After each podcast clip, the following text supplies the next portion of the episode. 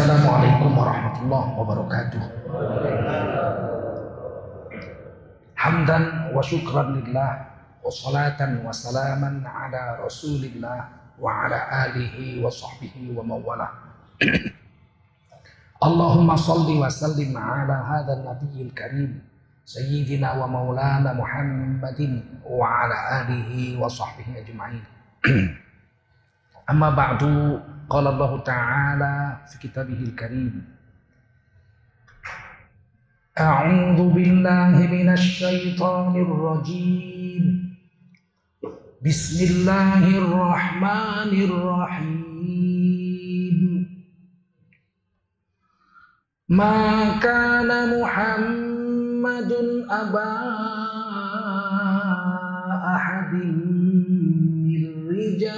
رجالكم ولكن رسول الله ولكن رسول الله وخاتم النبيين.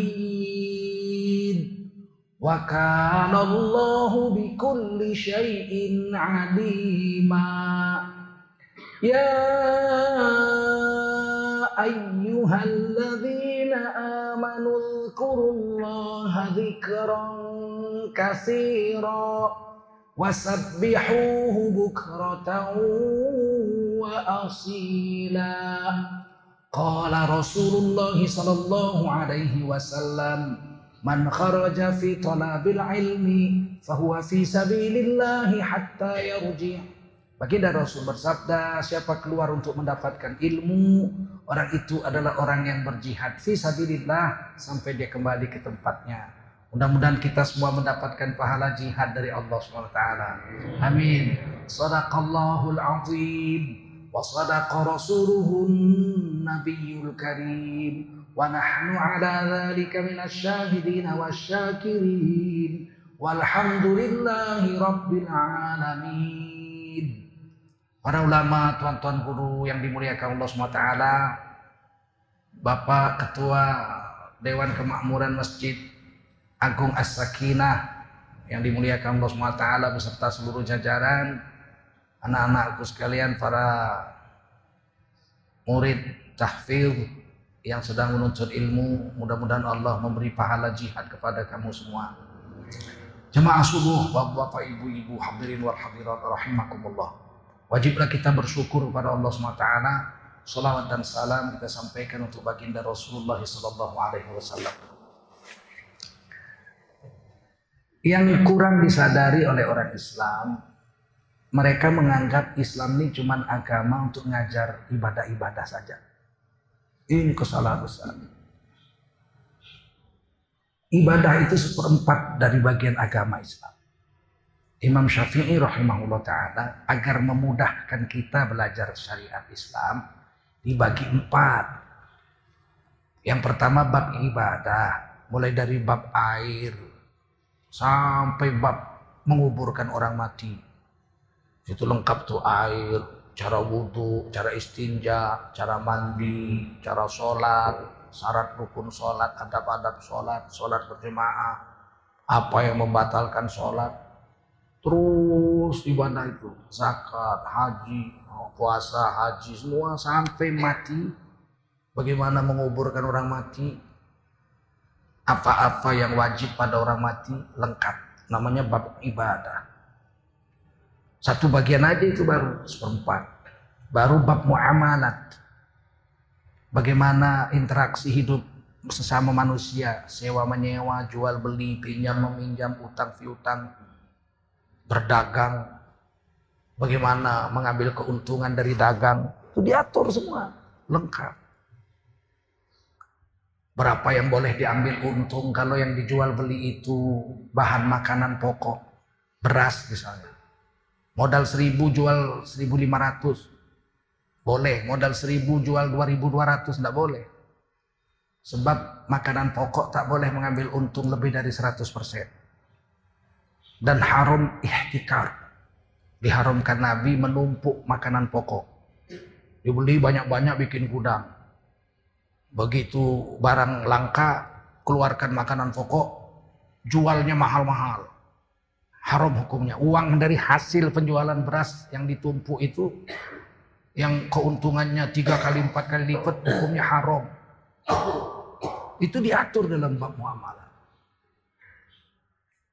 Wa halallahu al-bai'a wa harrama riba. Mengambil untung dari jalan jual beli halal. Tapi ada aturan berapa persen berapa persen. Tapi ngambil untung dari jalan riba haram. Walaupun sama-sama untung. Saya beli ikan di pasar ikan 50 ribu. Naik sepeda motor saya keliling kota Medan jual ikan, ikan. Saya jual 80 ribu. Saya untung 30 ribu. 30 ribu itu halal. Allah yang menghalalkannya. Tapi saya pinjamin tetangga saya 50 ribu. Minggu depan bayar 80 ribu. Saya untung juga. Tapi itu riba. Hukumnya haram. Jadi yang menghalalkannya Allah, yang mengharamkannya Allah disebut bab muamalat. Sudah separuh agama. Baru yang ketiga bab munakahat. Gimana cara nikah, talak, rujuk. Nikah yang halal, nikah yang tidak halal. Nikah-nikah yang haram.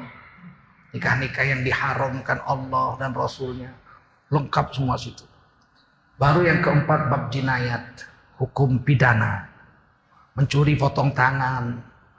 Berapa yang boleh dipotong? Kalau mencuri pisang goreng mana dipotong? Ada orang mencuri makanan ditangkap. Kenapa kamu mencuri makanan? Saya lapar. Anak saya lapar. Saya lapar. Kalau lapar, maka dia dikasih makan. Kasih bahan makanan. Untuk anak istrinya, dia dilepaskan. Kalau yang dicurinya ayam, kenapa kamu curi ayam? Oh saya senang aja, kepingin makan ayam. Maka didenda dua kali lipat dari ayam yang dicuri. Seekor, denda dua ekor. Kalau yang dicurinya seharga satu perisai, dua juta rupiah ke atas, ada bukti, ada saksi di pengadilan jatuh hukuman potong tangan. Oh kejam. Tapi itulah hukum Islam. Ada di Quran. Sehingga orang nggak berani lagi mencuri. Seumur hidup kelihatan cacat gitu. Dan negara nggak rugi. Sekarang ini Kementerian Kumham mengeluh. Kenapa? Karena biaya makan maling-maling koruptor-koruptor itu satu tahun tuh 15 triliun. Cuman ngasih makan maling aja di penjara tuh, waduh rugi 15 triliun. Bikinin pabrik udah jadi berapa tuh? Hmm, ngapain ngasih makan maling? Potong, cak, udah pulang, berobat ke puskesmas nggak keluar lagi uang negara. Tapi kan nggak berani DPR kita membuat hukum itu. Karena kalau itu dilakukan mungkin yang paling banyak dipotong tangannya anggota DPR. Nah, bagaimana supaya hukum-hukum ini berjalan? Tentu harus dibuat undang-undang negara Republik Indonesia. Undang-undang negara Republik Indonesia itu dibuat oleh DPR. RI disahkan oleh DPR, tanda tangan oleh Presiden. Kalau undang-undang yang membolehkan minuman keras saja sekarang susahnya bukan main ini. Dipatahkan. Sudah 15 tahun berjuang untuk mengharamkan minuman keras. Tidak boleh. Rancangan undang-undang pelarangan minuman keras. Berubah-berubah terus nggak berhasil sampai sekarang. Bahkan ketua DPR, wakil ketua DPR mengatakan, dari minuman keras, jualan minuman keras, negara dapat 5 triliun. Kan sayang duitnya, lebih bagus kita jual aja minuman keras ini, dapat 5 triliun. Untuk apa dapat 5 triliun? Kerusakan Indonesia lebih parah dari itu. Hasil orang mabuk, merampok, memperkosa anaknya, membunuh mamanya. Baru-baru ini seorang ibu dipukul beroti kepalanya mati. Gara-gara nggak nyediakan makanan pagi untuk anaknya. Anaknya bangun-bangun tidur mungkin mabuk malamnya. Senang dia. Oh nggak ada makanan, pukul kepala ibunya. Ini kerugian-kerugian seperti ini lebih besar dari 5 triliun. Ini tidak akan bisa bangkit Islam karena orang Islam hanya memikirkan ah, agama ini yang penting kan boleh ibadah. Kita ini udah aman di Indonesia. Sholat boleh, zikir boleh, baca Quran boleh, ngapal Quran boleh. Oh zakat, oh, mau diambil negara lagi zakat ini. Oh, zakat mau dikelola negara sudah. Wakaf uang, wakaf uang target Sri Mulyani 72 triliun. Mau diambil sama negara. Udah pidato Menteri Agama. Uang wakaf uang dari umat Islam akan dipakai untuk lintas agama. Loh, duitnya duit orang Islam dipakai untuk bikin jalan ke gereja. Itu kan lintas agama tuh. Mana boleh? Membangun jalan itu tugas negara. Ada uang APBN-nya. Betul? Kenapa mesti diambil uang wakaf uang umat Islam? Ini kan kurang kerjaan ini semua. Dan semua ulama diam aja, nggak boleh protes. Protes dibilang radikal. Hmm, radikal, pemecah belah persatuan, menghasut, macam-macam. Dan orang terang-terangan Menteri Agama bilang uang wakaf uang akan dipakai untuk lintas agama. Tentu kita protes. Karena wakaf uang itu wakaf. Itu ada ijab kabulnya dari pewakif untuk kegunaan agama saja. Paham?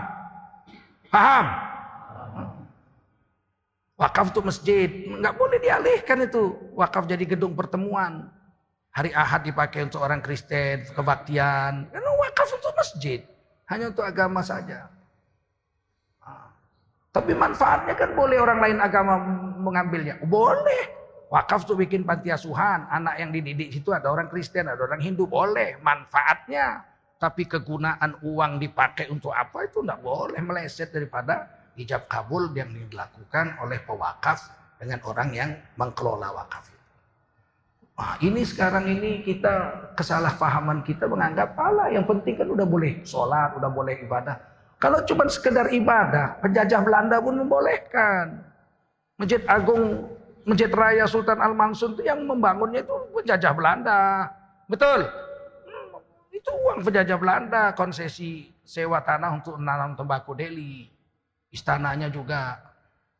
Sultan Delhi nggak mau dibangunkan istana sebelum dibangunkan dulu masjid. Belanda bangunin masjid. Kalau soal ibadah Belanda mau kita mau naik haji dikasih paspor disediain kapal laut sama Belanda. Dulu namanya lumbo-lumbo. Kapal laut itu dibayar penjajah Belanda untuk kita naik haji. Kalau untuk ibadah penjajah Belanda pun membolehkan. Yang tidak dibolehkan oleh penjajah Belanda, ekonomi Islam tidak boleh. Bank hanya satu, Javas Bank, Bank Jawa. Tidak boleh ada bank lain. Monopoli pemerintah Belanda. Bagaimana caranya pemerintah kita, apa namanya, ulama kita mengkuatkan orang Islam, menghancurkan Belanda secara ekonomi? Kita tidak boleh nyimpan uang di bank, haram hukumnya. Karena uang, uang bank riba. Akhirnya seluruh Indonesia orang Islam 90 persen, tidak ada yang nyimpan uang di bank Belanda, bank Jawa itu. Bangkrut, VOC bangkrut. VOC itu adalah perusahaan terkaya sedunia zaman itu. Di New York itu berapa lebar tanah VOC? VOC itu perusahaan Belanda. Kaya, paling kaya itu. Konglomerat terkaya pada abad ke-19, 20 itu adalah VOC. Bangkrut. Kenapa? Karena orang Islam tidak mau nyimpan uang di bank. Semua simpan emas. Disimpan di, di kasur, di bantal. Makanya kalau ada rumah kebakaran atau, atau pengungsi, orang pada keluar bawa bantal, bawa kasur, bawa tilam itu. Uh, saking stresnya. Bukan saking stresnya, emasnya disimpan di situ. Akhirnya bangkrut. Penjajah Belanda tuh bangkrut.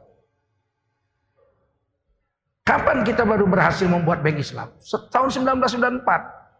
Kan jauh betul. Merdeka tahun 45. Selama 20 tahun zaman Bung Karno. Terpikir aja enggak untuk bikin bank Islam bermuamalah cara Islam tidak ada. Terpikir aja enggak. Bahkan zaman Bung Karno itu pegawai negeri tamatan sekolah pesantren tidak boleh. Tidak boleh. Karena ijazah pesantren nggak diakui. Semua pegawai negeri tamatan sekolah sekuler.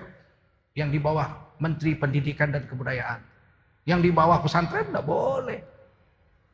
Guru saya Syekh Adnan Yahya diangkat jadi kepala IAIN Sumatera Utara, rektor. Golongan 1A. Rektor golongan 1A dianggap tamat SD. Karena ijazahnya nggak diakui. Itu zaman Bung Karno, tamat dari Mesir pun nggak diakui ijazahnya itu. Harus ujian ulangan di IAIN. Lebih pandai dia dari yang uji. Tapi itu resiko hidup. Karena orang Islam menganggap yang penting sudah bisa ibadah. Gak bisa mulai ditanamkan kesadaran bahwa Islam itu seluruhan, keseluruhan seni hidup manusia, sendi-sendi hidup manusia. Barulah dijumpai Pak Harto tahun 94 oleh Ketua Majelis Ulama Indonesia Hasan Basri almarhum dengan Ketua ICMI, Ikatan Cendekiawan Muslim Indonesia, Bapak B.J. Habibie. Waktu itu Menteri Ristek, Riset dan Teknologi. Jumpa ketemu Pak Harto, kita mau bikin bank Islam. Pak Harto pun heran, loh ada bank Islam? Ada. Apa bedanya bank Islam dengan bank yang ada? Kan Pak Harto pernah kerja di BRI. Waktu zaman-zaman tamat sekolah dulu sebelum masuk tentara. Itu sistemnya riba, berbunga. Ah iya saya ngerti kata Pak Harto. Apakah bank Islam sistemnya beda? Beda. Bagaimana ngambil untungnya? Untuk bayar pegawai, untuk bayar gaji, untuk keuntungan, nambah modal segala macam. Oh kami dengan sistem bagi hasil, mutorobah, sistem musyarakah, sistem murabahah. Dijelaskan. Oh, murabahah itu jual beli. Misalnya bapak mau beli rumah harga 100 juta. Duit cuma punya 25 juta kan nggak cukup. Nah, bapak datang ke bank. Bukan pinjem. Bank syariah tidak meminjamkan uang. Kalau pinjam 75 juta ya bayar 75 juta. Namanya kordun hasan. Nggak boleh nambah satu rupiah pun. Kami nggak meminjamkan uang. Kami membiayai. Kita kongsi beli rumah itu. Jadi 25 juta uang bapak, 75 juta uang bank, kongsi, musyarakah, bersarikat. 100 juta beli rumah. Setelah terbeli, suratnya diambil bank. Karena bank punya saham 75 persen. Bapak sebagai pemilik 25 persen, 25 juta, bapak boleh tinggal di rumah itu. Kan kita kongsi. Bapak tinggal di rumah itu, bank pegang suratnya. Nah sekarang bank mau jual bagian bank yang 75 juta itu mau dijual kepada bapak supaya 100% rumah itu milik bapak. Kalau saya nggak ada duit, ya di 75 juta dibayar 5 tahun, dicicil 5 tahun, jual beli. Tapi oh, oh kalau mau kalau lima tahun sanggup tiap bulannya dibagi-bagi. Tapi kami selama lima tahun ambil untung, namanya jual beli. Kalau jual beli kan harus ada untungnya dan Allah wa ahallallahu al Allah menghalalkan untung dari jual beli. Kami jual sama bapak 100 juta. Selama lima tahun bapak cicil. 60 bulan itu. Ah, satu bulan ya bagilah 100 juta bagi 60 bulan nggak ada tambah-tambahan. Andai kata suku bunga bank naik karena krisis moneter, tetap aja bayarnya itu segitu, nggak nambah-nambah karena sudah dibayar cash, kita jual beli. Setelah lima tahun penuhlah 100% rumah itu bapak punya, bank dapat untung 25 juta dalam perdagangan rumah yang kongsi itu. Wah kata Pak Harto bagus itu. Tapi jangan dibikin namanya bank Islam. Besok orang Buddha bikin bank Buddha. Kristen bikin bank Kristen. Namanya Indonesia kan lata. Maka keluarlah istilah bank muamalat. Yang bermuamalat itu orang Islam. Itu ekonomi Islam. Tidak ada undang-undangnya. Pakai kepres saja keputusan Presiden Soeharto dikasih modal, dicewain kantor, dipinjamin kantor seumur hidup. Sampai kemudian tahun 2003 setelah reformasi barulah dibuat undang-undang bank syariah nasional. Itu baru keluar undang-undangnya tahun 2003. Perjuangan luar biasa dari Majelis Ulama Indonesia melobi anggota-anggota DPR yang Islam. Barulah keluar bank syariah. Di seluruh Indonesia penuh dengan bank-bank syariah diawasi oleh Dewan Syariah Nasional Majelis Ulama Indonesia. Ditulis di undang-undang. Jadi kita sudah menjadi negara yang mengakui adanya bank Islam berdasarkan undang-undang negara. Itu berjuang. Kalau cuma yang penting ibadah saja, yang penting ibadah saja. Mana berdiri bank Islam sampai kiamat? Paham? Nah, ini perjuangan kepahaman orang Islam. Hari ini ini dikendorin ini lima tahun ini, enam tahun ini. Yang penting bisa ibadah sudah, jangan rewel, jangan radikal. Menerima saja sudah. Jangan mau bukan negara Islam ini, ini bukan negara Islam. Jangan pakai-pakai hukum Islam loh. Ini bukan negara Islam, tapi negara yang melindungi, menjamin tiap-tiap warga negara untuk memeluk agama dan menjalankan agamanya masing-masing. Pasal 29 ayat 2 negara menjamin tiap-tiap warga negara untuk memeluk agama dan menjalankan agamanya. Orang Kristen boleh menjalankan agama Kristen 100%. Orang Buddha boleh menjalankan ajaran Buddha 100%. Orang Hindu boleh menjalankan ajaran Hindu 100%. Hindu itu nggak sampai satu persen di Indonesia. Cil. Nggak sampai satu persen. Tapi di Bali dia 84 persen. 14 persennya orang Islam. Lain-lainnya sisanya. Ada Kristen sedikit-sedikit. Apa yang terjadi? Mereka buat perda peraturan daerah Bali Hari raya nyepi nggak boleh ada listrik, nggak boleh ada api hidup. Satu hari satu malam api mati. Ngerokok pun nggak boleh. Masak nggak boleh. Listrik mati, nggak boleh pakai AC, nggak boleh pakai kipas angin, nggak boleh naik mobil, nggak boleh naik sepeda motor, keluar rumah juga nggak boleh. Airport Gusti Ngurah Rai Internasional ditutup, yang terbang nggak boleh mendarat, yang mendarat nggak boleh terbang. Nggak ada di dunia ini. Walaupun di India orang Islam, orang Hindu itu satu miliar orang, nggak ada terjadi penutupan airport pada hari raya Nyepi. Yang boleh hanya di Indonesia. Kenapa? Karena pasal 9 ayat 2 negara menjamin tiap-tiap warga negara untuk memeluk agama dan menjalankan agamanya. Cuman ada satu aja di Indonesia itu.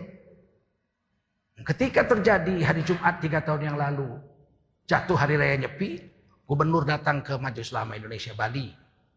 Bagaimana ini hari raya Nyepi hari Jumat? Oh, kami orang Islam wajib sholat Jumat.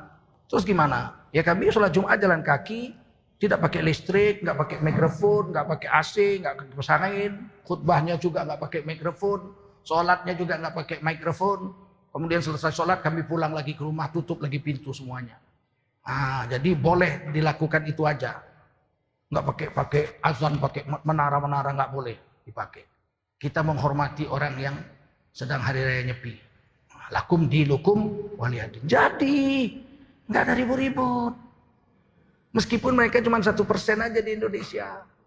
Kenapa? Karena undang-undang dasar kita menjamin tiap-tiap warga negara untuk memeluk agama dan menjalankan agama yang hari ini kok sekarang Islam mau menjalankan agamanya dicurigai. Dianggap sekarang ini kita lima waktu ke masjid aja dicurigai itu. Ini kenapa ini lima waktu ke masjid ini? Ada apa ini? Aliran apa ini?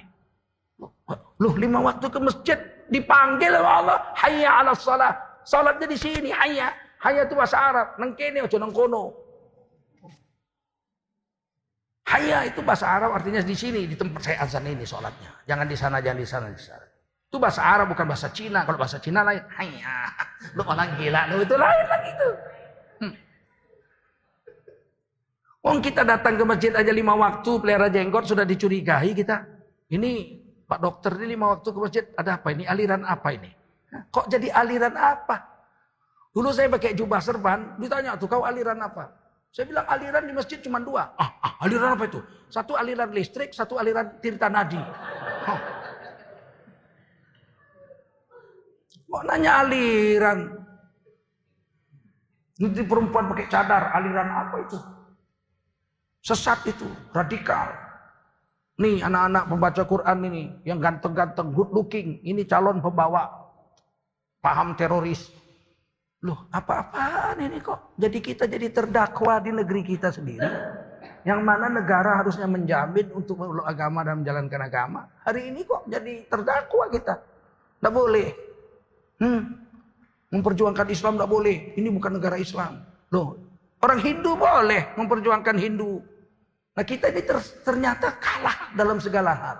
Di daerah mayoritas Kristen jangan harapkan ada camat orang Islam. Jangankan bupati.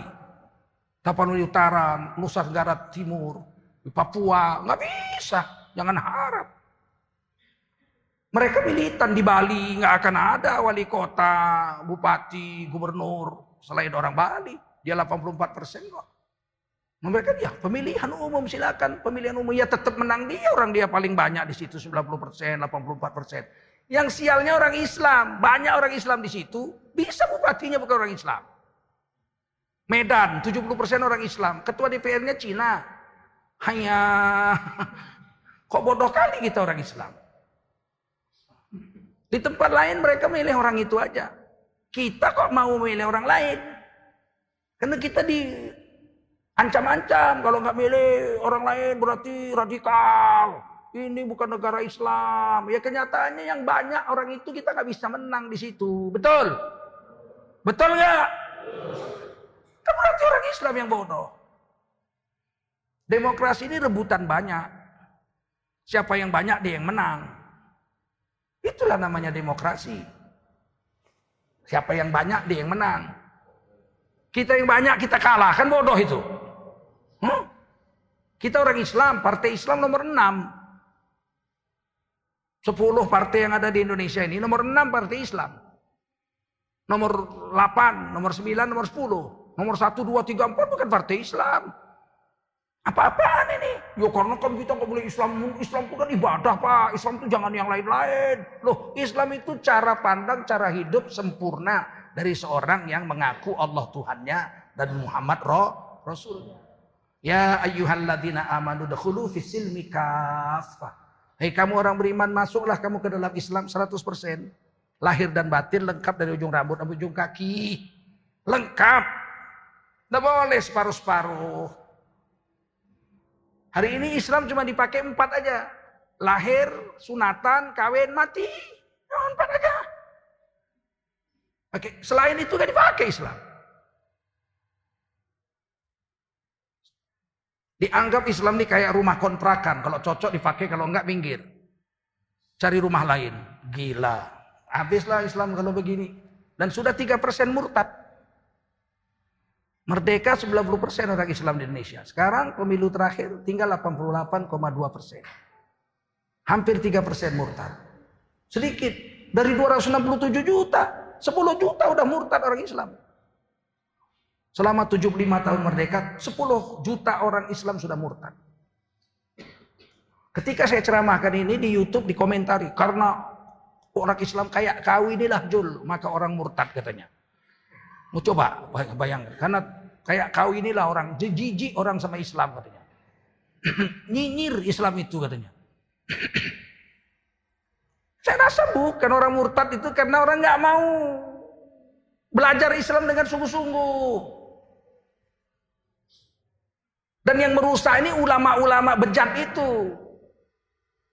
Ulama-ulama yang bisa disuap dengan kedudukan, dengan duit, dengan perempuan. Saya itu 22 tahun anggota Majelis Ulama Indonesia Pusat, 10 tahun jadi wakil sekjen. Banyak ulama itu kalau ngobrol itu 5 6 orang, ceritanya perempuan aja. Ceritanya duit, istri udah berapa? Ih, jijik aku dia betul betul. Jijik aku. Dulu waktu aku jadi penyanyi itu aja kerja orang. Penyanyi-penyanyi kalau kumpul ceritanya duit, terus perempuan. Itu waktu jadi penyanyi dulu. Di Tiara Hotel saya penyanyi dulu. Bukan kaleng-kaleng. Asal cerita penyanyi-penyanyi. Pemusik itu ceritanya duet sama perempuan. Udah jadi ulama. Kumpul-kumpul ceritanya. Mana can duit ini? Apa proyeknya? Istri udah berapa? Cewek Apa gak jijik kita kadang-kadang? Bangga kali kalau dapat jabatan. Jadi ulama mau kaya. Kalau mau kaya nggak usah jadi ulama, jadi pedagang. Betul? Jadi ulama kok kaya. Nggak malu jadi ulama kaya. Punya mobil Mercy. Punya mobil 10. Di atas satu miliar semua. Kerjaannya cuma jadi ulama. Dari mana duitnya itu dapat Mercy-Mercy jadi ulama? Saya dakwah dari SMA kelas 1 sudah jadi khotib Jumat. Keliling dunia 33 negara. 35 negara sudah saya keliling dunia dakwah. Belum pernah lihat duit satu miliar saya.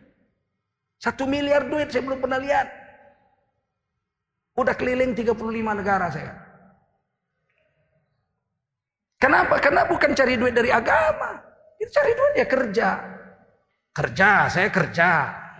Dosen saya, pensiun, saya kerja di swasta. Auditor bank, syariah. Dapat gaji dari situ.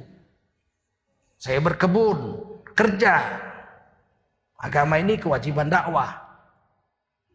Kalau mau kaya jangan jadi ustad. Tidak ada ulama dulu kaya gara-gara jadi ulama. Tiba-tiba dia ngomong, semua agama sama saja. Ini yang bikin orang murtad itu. Bukan kita yang tegas-tegas dengan agama. Ini yang bikin murtad. Yang bikin murtad itu yang semua agama sama saja. Siapa saja. Siapa saja. Yang berbuat baik kalau nanti mati di akhirat semuanya akan masuk surga. Apa pun agamanya. Apa pun agamanya. Itu yang bikin murtad itu. Karena semua agama sama saja, betul. Tukar-tukar agama. Oh sama saja kok. Asal kita baik nanti di akhirat masuk surga. Kalau orangnya bodoh, kayak Abu Janda, dia ngomong semua agama sama saja.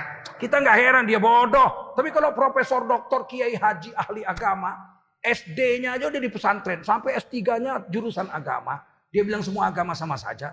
Apa nggak bikin orang jadi murtad? Datang seorang dokter ahli agama ke kantor saya di Jakarta. Tempat saya cari nafkah, bukan kantor MUI.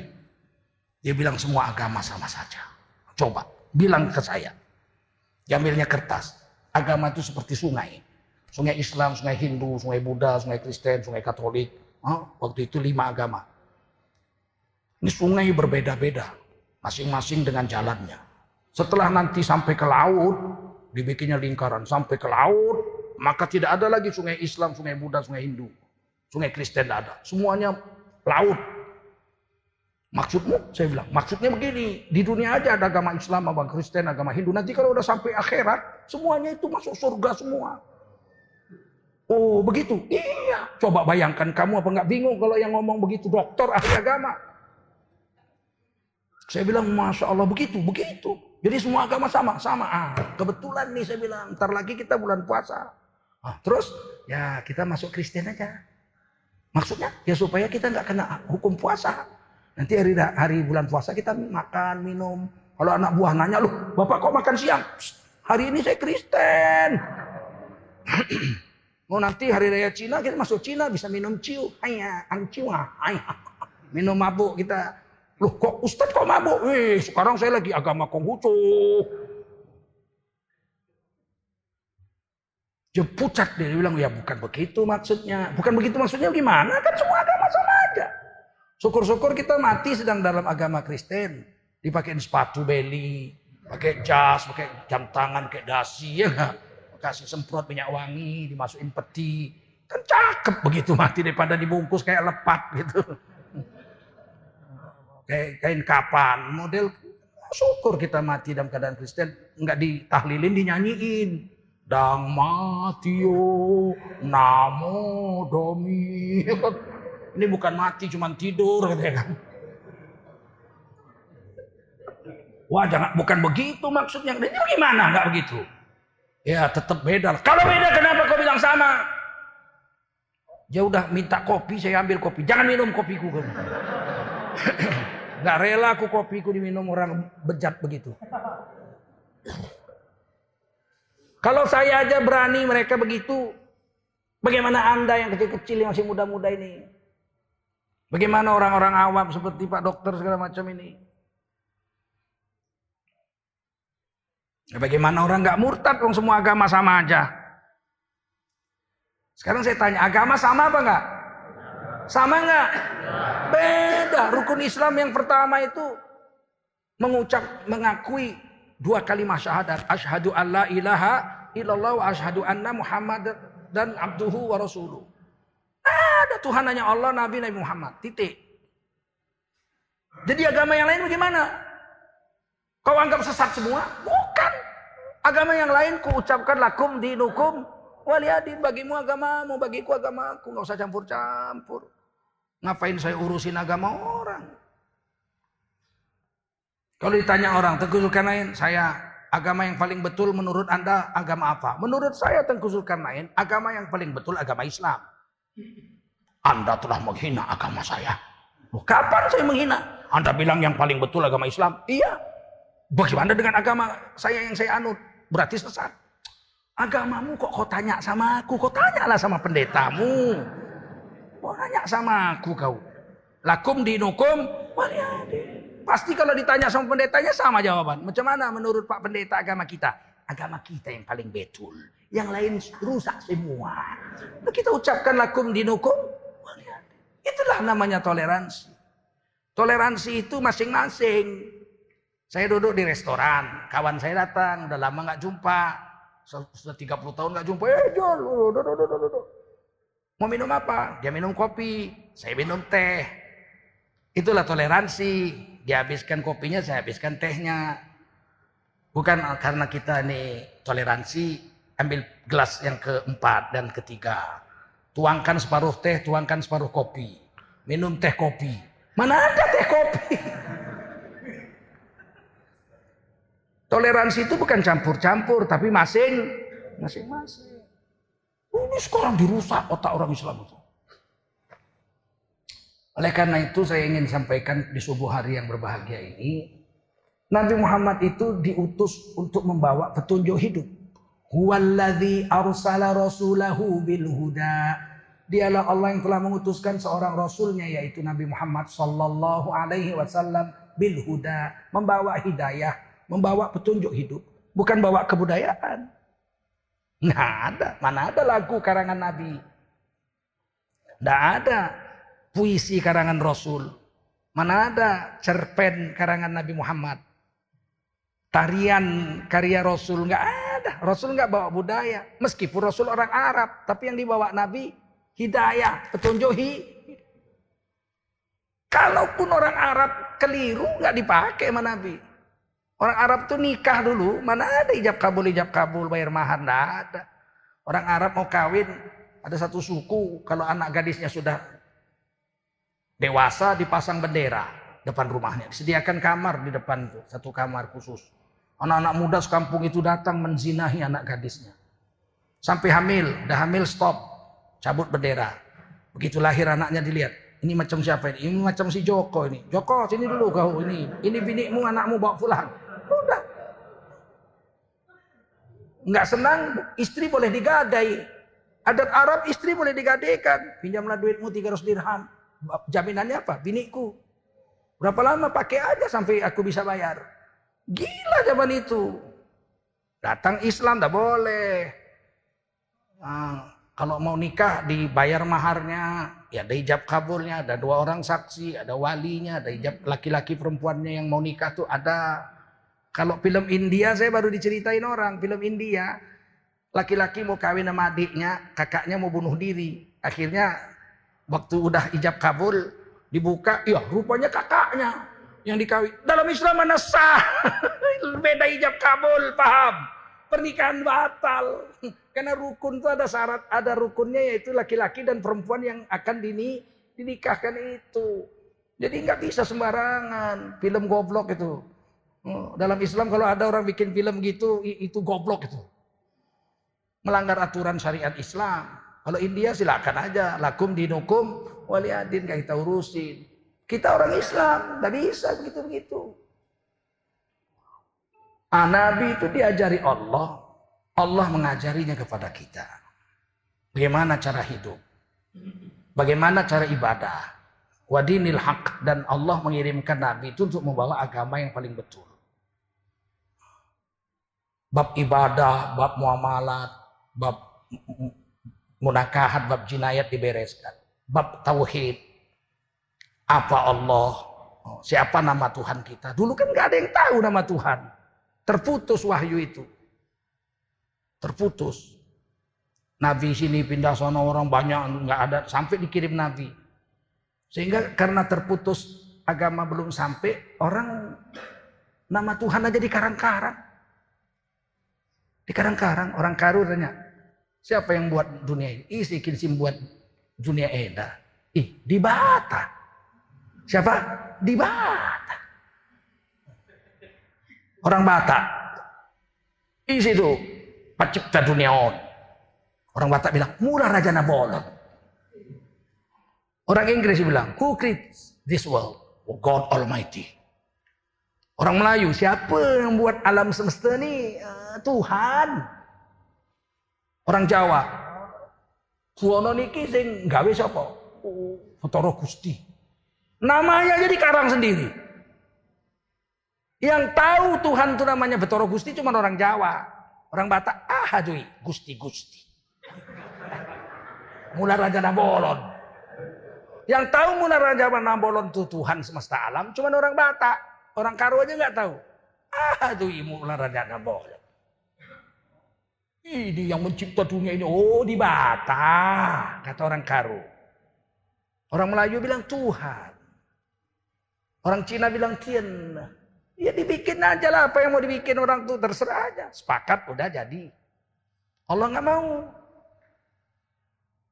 Allah perintahkan kepada Nabi Muhammad. Ya ayuhan nasu ubudu rabbakumul ladzi khalaqakum walladzina min qablikum la'allakum tattaqun. Hai manusia, nggak peduli mau orang mau orang Batak, mau orang Arab, mau orang Jawa, pokoknya hai manusia, sembahlah Tuhanmu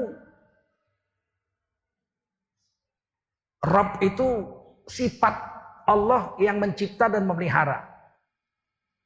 Sembahlah pemeliharamu dan pemelihara alam semestamu.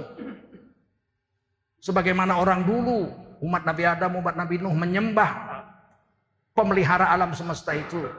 Mudah-mudahan dengan kau sembah pemelihara alam semesta itu, kamu jadi orang yang bertakwa.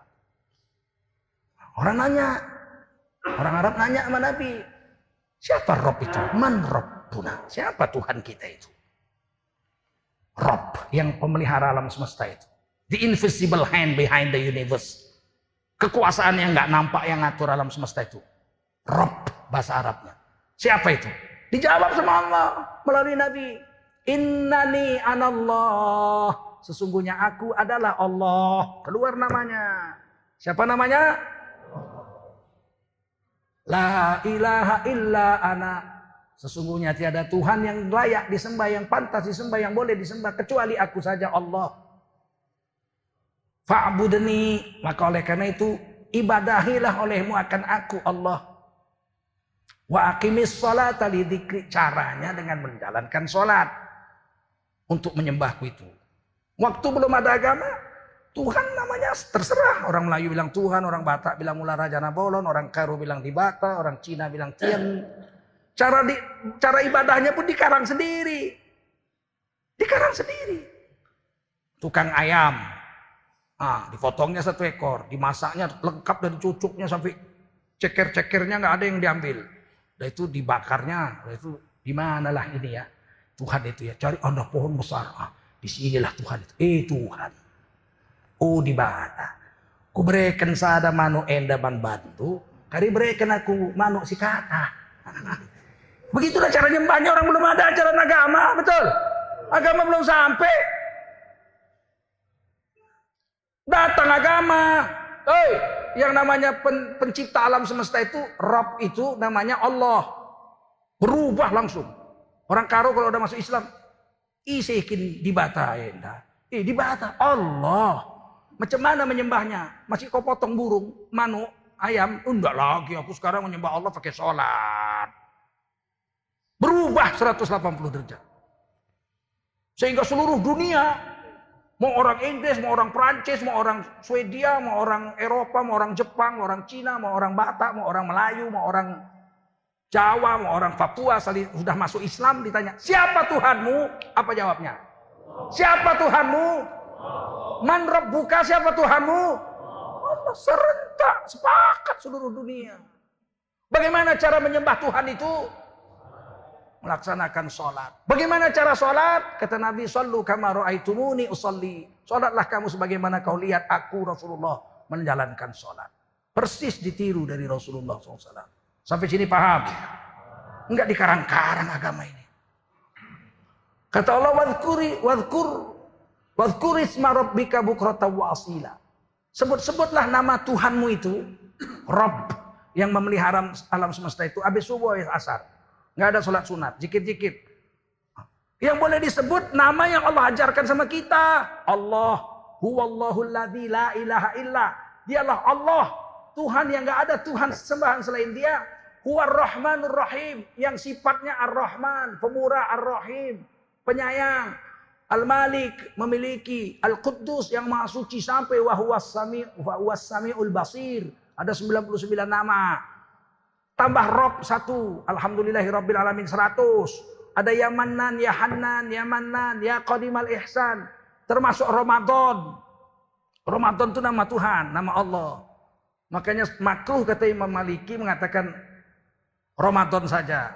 Mesti ditambah bulan Ramadan, syahrul Ramadan. Ah. Dan boleh dizikirkan untuk dapat pahala. Disuruh sebut-sebut nama Tuhanmu. Yang disebut itu nama Tuhan yang Allah antar sama kita. Allah, Allah, Allah, subhanallah, alhamdulillah, wa la ilaha illallah. Ya Rahman, Ya Rahim, Ya Malik, Ya Kudus, Ya Salam. Ayam matada'u falahul asma'ul husna. Yang mana pun nama Allah itu kau sebut semua bagus. Tapi yang diajarkan Allah tidak boleh kita ambil tasbih, kita jikir. Di bata, di bata, oh di bata, oh di bata. Nggak berpahala. Paham? Mula Raja Nabolon, mula Raja Nabolon, mula Raja Nabolon. Nggak boleh. Atau, ya Tuhan, ya Tuhan, Ya Tuhan, oh Tuhan, oh Tuhan, oh nggak berpahala. Oh my God, oh my God, nggak berpahala. Yang berpahala yang Allah antar namanya kepada kita, paham? Sampai sebegitunya Islam itu. Sama seluruh dunia, nggak berubah. Itu baru tauhid. Bagaimana dengan bab syariatnya, cara beribadah sama. Beda-beda furu aja, beda-beda ranting. Sholat ya berdiri, niat, takbir, baca petihah sama semua itu. Yang beda cuma ranting-ranting kecil. Tahiyat. Ada yang geraknya sekali aja yuharik. Apa apa sekali aja uh, kode aja namanya isyarat. Ashadu alla ilaha illallah sekali aja. Ah, dah udah itu nggak gerak-gerak lagi. Ada yang yuharik dari awal begini terus. Hadisnya Abu Dawud ah, dari Wa'il bin Hujrain. Ah, sohe hadisnya begini-begini. Ya silakan aja. Ada yang sekali aja udah 20 hadisnya yang sekali aja isyarat. Asal jangan kita marah orang gini tangkap tuh. Ngapain diurus-urus? Yang begini-begini sunnah. Yang sekali bergerak aja sunnah hadisnya 20. Yang gini-gini satu hadisnya. Tapi soheh. Yang 20 juga soheh ada Bukhari, Muslim sebagainya. Ya udah kan cuma yang nggak boleh itu sholat begini. At-tahiyatu mubarakatuh salawatu thayyibatu lillah.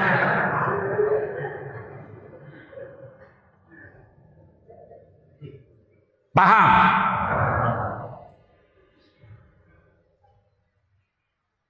Barulah Islam sempurna sebagai cara berpikir, cara hidup. Dan belakangan ilmu sains berkembang, ternyata Islam itu hebat. Misalnya makanlah, orang-orang dulu mau makan lembunya itu besar gemuk, punuknya besar, punuknya aja diambil. Ambil pisau dipotong punuknya. Dah, dimasak. Begitu. Enggak lembunya dipotong sayang. Kan cuma diambil punuknya cukup untuk makan. Datang Islam enggak boleh, haram itu. Hurrimat alaikumul mayyitatu waddamu walahmul khinzir. Diharamkan atas memakan bangke. Nah, ya udah nggak boleh lah bangke itu kan potong itu kan bangke. Nggak boleh, sembelih dulu. Nyembelih pun harus lehernya. Lehernya dipotong, keluar darahnya, buang semua darahnya kering. Karena darah itu sangat berbahaya. Ternyata sekarang baru terbukti darah itu adalah media kuman yang paling cepat. Oh, kalau darah jangan main-main. Saya dulu SMA sempat itu di laboratorium kan. Di SMA Negeri 4 Medan. Itu darah diambil, taruh di kaca, letakkan di mikroskop. Sebentar aja tuh setengah jam penuh kuman-kuman di situ. Maka Allah mengharamkan makan darah juga. Dulu kecil-kecil saya di perkebunan Medan ini banyak orang-orang Jawa kan, potong ayam darahnya ditampung, taruh di piring, udah beku dipotong-potong kayak agar-agar digoreng, namanya dede. Nah, maka mangan kue naik niki opo iki saya bilang iki getih ini darah dede. Saya bilang kata guruku haram nih, untung saya sekolah di Muhammadiyah. SD, tahu agama SD saya sudah tahu. Ini haram, apa kue haram-haram kue? Kena iki katanya. Haram. Ternyata darah itu sangat ber, berbahaya. Ada satu suku yang darah itu memang ditampung, potong ayam ditampung, begitu ayamnya selesai dibakar atau digoreng, disiramkan darah ayamnya itu. Tapi sekarang baru orang tahu ternyata darah itu media Kuman yang paling cepat untuk berkembang itu adalah darah. Potong lehernya, buang darahnya semua. Nggak boleh kita motong kambing, perutnya dipotong. Mbek, potong perutnya. Haram itu bangke. Daging babi haram. Dan seluruh, nah itu Quran bilang walahmul khinzir, dagingnya haram. Kan cuma dagingnya, kalau limpahnya sama tulangnya sama kulitnya. Loh, Sedangkan dagingnya haram apalagi yang lain. Begitu dalam Islam. Ada penjelasan dari Nabi. Babi dan seluruh all the varieties. Dan seluruh variasi-variasinya. Babi kawin nama sapi, anaknya pun haram. Babi dikawinkan sama lembu. Kan lembu anaknya cuma dua, paling banyak tiga. Satu, dua, ya kan? Jarang-jarang lah tiga. Kalau dikawinkan sama babi, anaknya bisa dua belas. Biar cepat kaya. Haram apa enggak? Haram. Sak keturunan-keturunannya. Termasuk obat yang dikembangbiakkan di medianya yang pakai babi. Haram. Nggak boleh. Karena kesinggol kesinggol babi haram semua. Ini semua diajarkan dan sekarang baru tahu orang. Jak sekarang, zaman dulu pokoknya haram udah titik. Kita turut aja sama Nabi. Sekarang ternyata babi itu binatang paling jorok. Omnivora. Binatang yang memakan segala-galanya. Sampai taiknya sendiri dimakannya. Ini binatang paling parah. Ayam kita kurunglah tiga hari. Saya banyak ayam saya, ratusan ekor ayam saya. Memang pemelihara ayam dari kecil saya. Kurunglah tiga hari, nggak usah dikasih makan, lemes dia. Udah lemes dia tiga hari, kasihlah tai ayam satu mangkok. Dilihatnya aja gitu. Nggak mau ayam makan tai ayam. Betul. Ikan nggak mau makan tai ikan.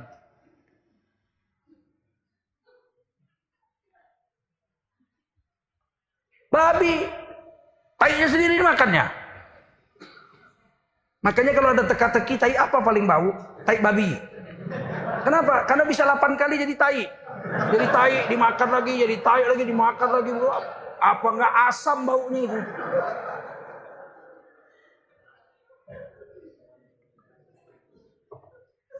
Tapi dulu orang kan nggak tahu dulu. Pokoknya haram-haram udah titik. Sekarang baru orang tahu. Beruntunglah kita, sains menguatkan agama kita. Paham? Orang bilang, kenapa orang Islam boleh makan ayam, boleh makan kambing, nggak boleh makan babi? Ya ayam, dia herbivora. Dia makan biji-bijian. Kalau dia makan tai, kan mau juga dia makan tai orang. Nggak boleh dimakan. Ayam kita lihat makan tai orang. Nggak boleh disembelih.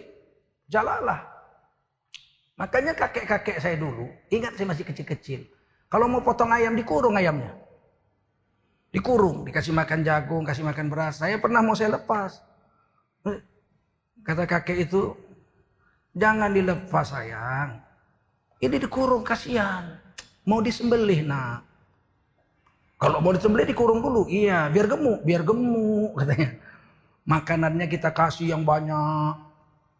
Udah besar saya baru tahu. Rupanya binatang yang halal seperti ayam. Kalau baru makan najis. Tidak boleh disembelih. Dia keji. Dibiarkan dulu tiga hari kasih makan yang bagus, baru boleh disembelih. Maka orang dulu itu jiwanya bersih. Jiwanya bersih karena makanannya itu tidak keji. Nah, kenapa kambing, rusa, lembu boleh dimakan? Dia herbivora, dia pemakan rumput. Ya kalau ada lembu baru makan anak ayam, anak ayam mati dimakan lembu, dia nggak boleh potong tiga hari. Karena dia baru makan bangkai, dia keji. Tidak boleh. Sebegitunya.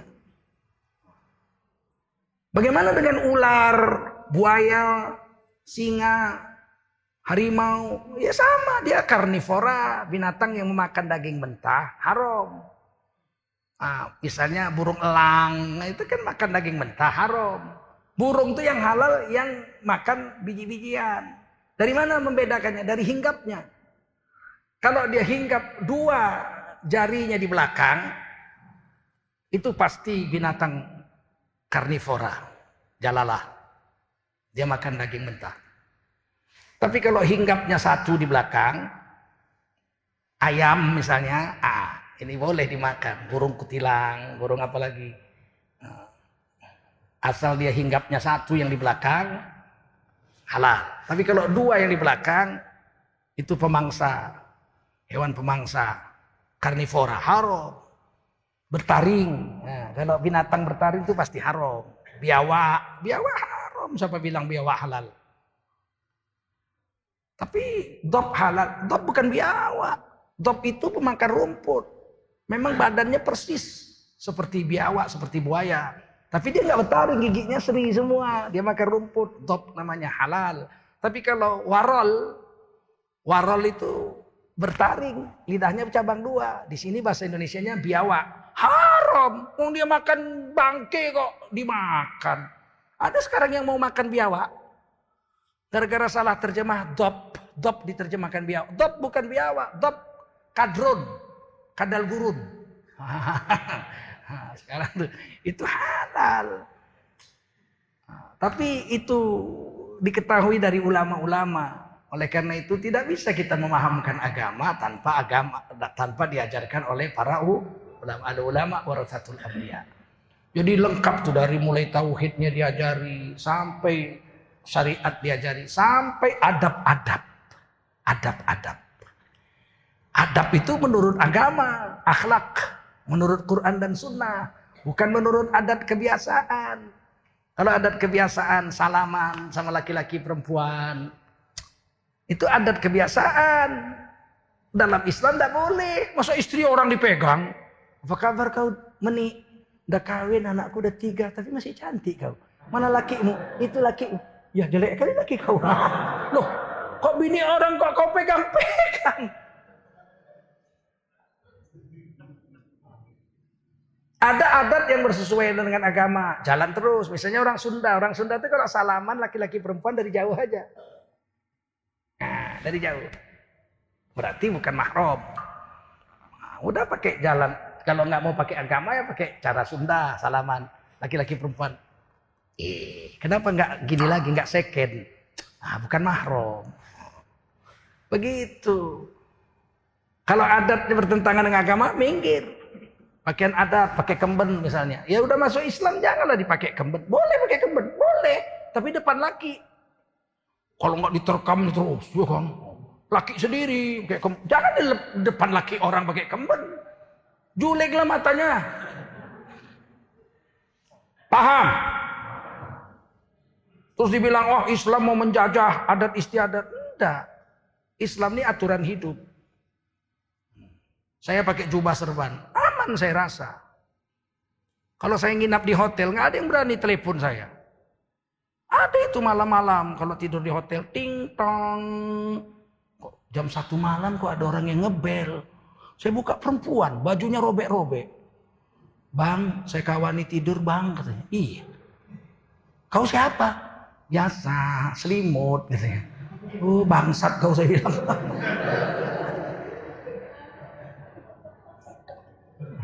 Nggak boleh, paham? Tapi kalau udah pakaian begini mana berani? Ada gak tong. Saya udah tahu nih jam satu malam mesti dia ini. Jual apem. Penjual apem. Sekarang mahal 110 juta. Goblok. Apem busuk 110 juta. Ah, saya pakai jubah. Pakai serban, saya pakai sarung. pakai serban. Saya kalau tidur pakai sarung. Saya pakai serban saya, saya buka. Eh, eh Pak Haji, ma ma ma maaf. Katanya, baru kau tahu, gue pikir. Jadi ternyata pakai jubah serban selamat. Nggak berani. Orang mengganggu. Di Thailand, di Bangkok, saya pakai jubah serban tak berani orang. Kawan saya pakai batik. Saya bilang jangan pakai batik, ini Bangkok. Kita bangga dengan NKRI. Keluar pucat, balik lagi ke kamar. Kenapa? Dibuka kawan bajunya, looking-looking no manis. Pakaian begini ini selamat. Kalau saya pergi ke diskotik, pakaian begini jam satu malam, orang lagi gedek, cik, cik, cik. Saya datang, Assalamualaikum, apa yang terjadi? Bubar diskotik. Ada setan datang, katanya. Nggak bisa kompromi dengan kebatilan ini, betul? Dan ini pakaian sunnah Nabi. Zaman Nabi itu sudah banyak baju. Baju Yaman, baju Persi, baju Romawi, baju Ethiopia. Kan di Mekah itu kan banyak suku-suku. Orang naik haji, orang India naik haji, guru Nana. Tentu pakai baju India zaman itu. Dari banyak baju yang diambil Nabi, jubah. Karena ahabus siap, karena ahabus siap ila Rasulullah SAW. Karena ahabus siap ila Rasulullah SAW. Al-Qamis. Dari banyak jenis baju zaman Nabi yang dicintai Nabi adalah jubah. Jadi jubah ini menjadi sunnah karena dipilih Nabi. Pakaian yang lain mubah. Boleh karena menutup aurat yang diambil Nabi jubah. Jubah jadi sunnah. Dan ternyata jubah ini bukan baju orang Arab. Nabi Isa pakai jubah. Orang Israel. Nabi Yusuf pakai jubah orang Israel. Nabi Musa orang Israel pakai jubah. Dan saya pulang ke kampung nenek saya. Ibu saya kan Cina. Saya pulang ke Cina. Tahun 2005 nggak salah saya pulang ke Cina. Keliling seluruh Cina saya. 40 hari keliling saya dakwah seluruh Cina. Saya lihat foto kakek-kakek nenek moyang saya di sana. Pakai jubah semua. Nggak ada satupun yang pakai belangkon. Orang Cina pakai jubah. Berarti jubah pakaian Cina. Nggak kalian lihat film Tendangan Tanpa Bayangan Wong Fei Hung. Ceng, ceng, ceng, ceng, ceng, ceng. Pakai apa? Pakai coba. Jadi kok bilang ini pakaian Arab. Kebanyakan makan micin itu. Nah, inilah yang perlu kita ketahui agar kita bangga dengan Islam. Insya Allah ya. Nah, mulai besok itu pemilu kecewa saya. Ini kan wali kota Medan baru pemilu. Iya, kan sama-samanya orang Islam dua-duanya. Loh, partai pendukungnya siapa? Partai pendukungnya perlu dilihat. Kalau dia nggak suka sama agama ngapain? Partainya aja nggak suka, apalagi dia kan cuma petugas partai. Paham?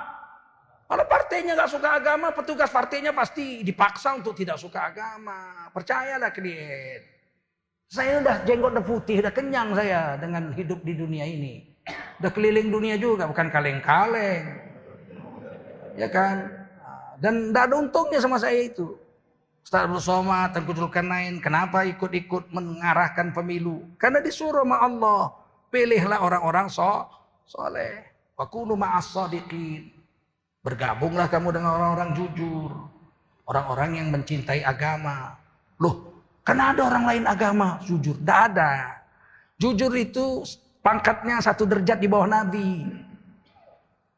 Empat golongan yang selamat di akhirat.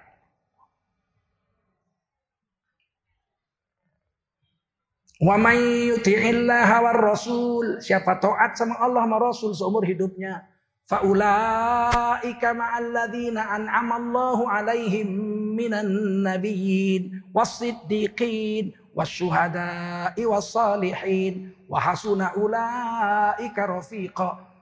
Kalau taat sama Allah sama Rasul seumur hidup, kalau mati akan digabungkan kepada empat golongan yang telah diberi nikmat oleh Allah atas mereka yang pertama adalah golongan nabi-nabi. Itu nomor satu. Mana ada nabi nggak beriman? Ada nabi kafir. Nah ada. Yang kedua adalah golongan orang-orang jujur. Siddiqin. Orang jujur itu pastilah Islam. Tiba-tiba ada kiai bilang biar kafir asal jujur. Loh. Jujur itu satu derajat di bawah Nabi. Abu Bakar As-Siddiq itu jujur. Digelar As-Siddiq. Baru di bawahnya orang-orang yang mati syahid, syuhada. Mana ada orang mati syahid bukan orang Islam. Betul. Yang keempat solehin, orang-orang soleh. Orang soleh itu nomor empat. Soleh. Kafir soleh aja nggak bisa. Apalagi sidik. Ah, gimana? Ah, ini yang perlu kita beritahu kepada umat. Kalau kepentingan pribadi kami nggak perlu kami untuk apa itu. Saya Ustaz Abdul Somad dan lain itu apa kepentingan pribadi nggak perlu kami itu. Saya tinggal di Jakarta, KTP Jakarta kok saya. Cuman saya punya pesantren di Medan, tiap bulan saya pulang, saya urusin. Nah, saya mau semua umat Islam ini paham bahwa agama itu adalah cara hidup, cara pandang dunia dan akhirat. Insya Allah. Nah, sampai sini aja ceramah kita. يا الله يا بصير يا سميع يا عليم يا حي يا قيوم برحمتك أستغيث.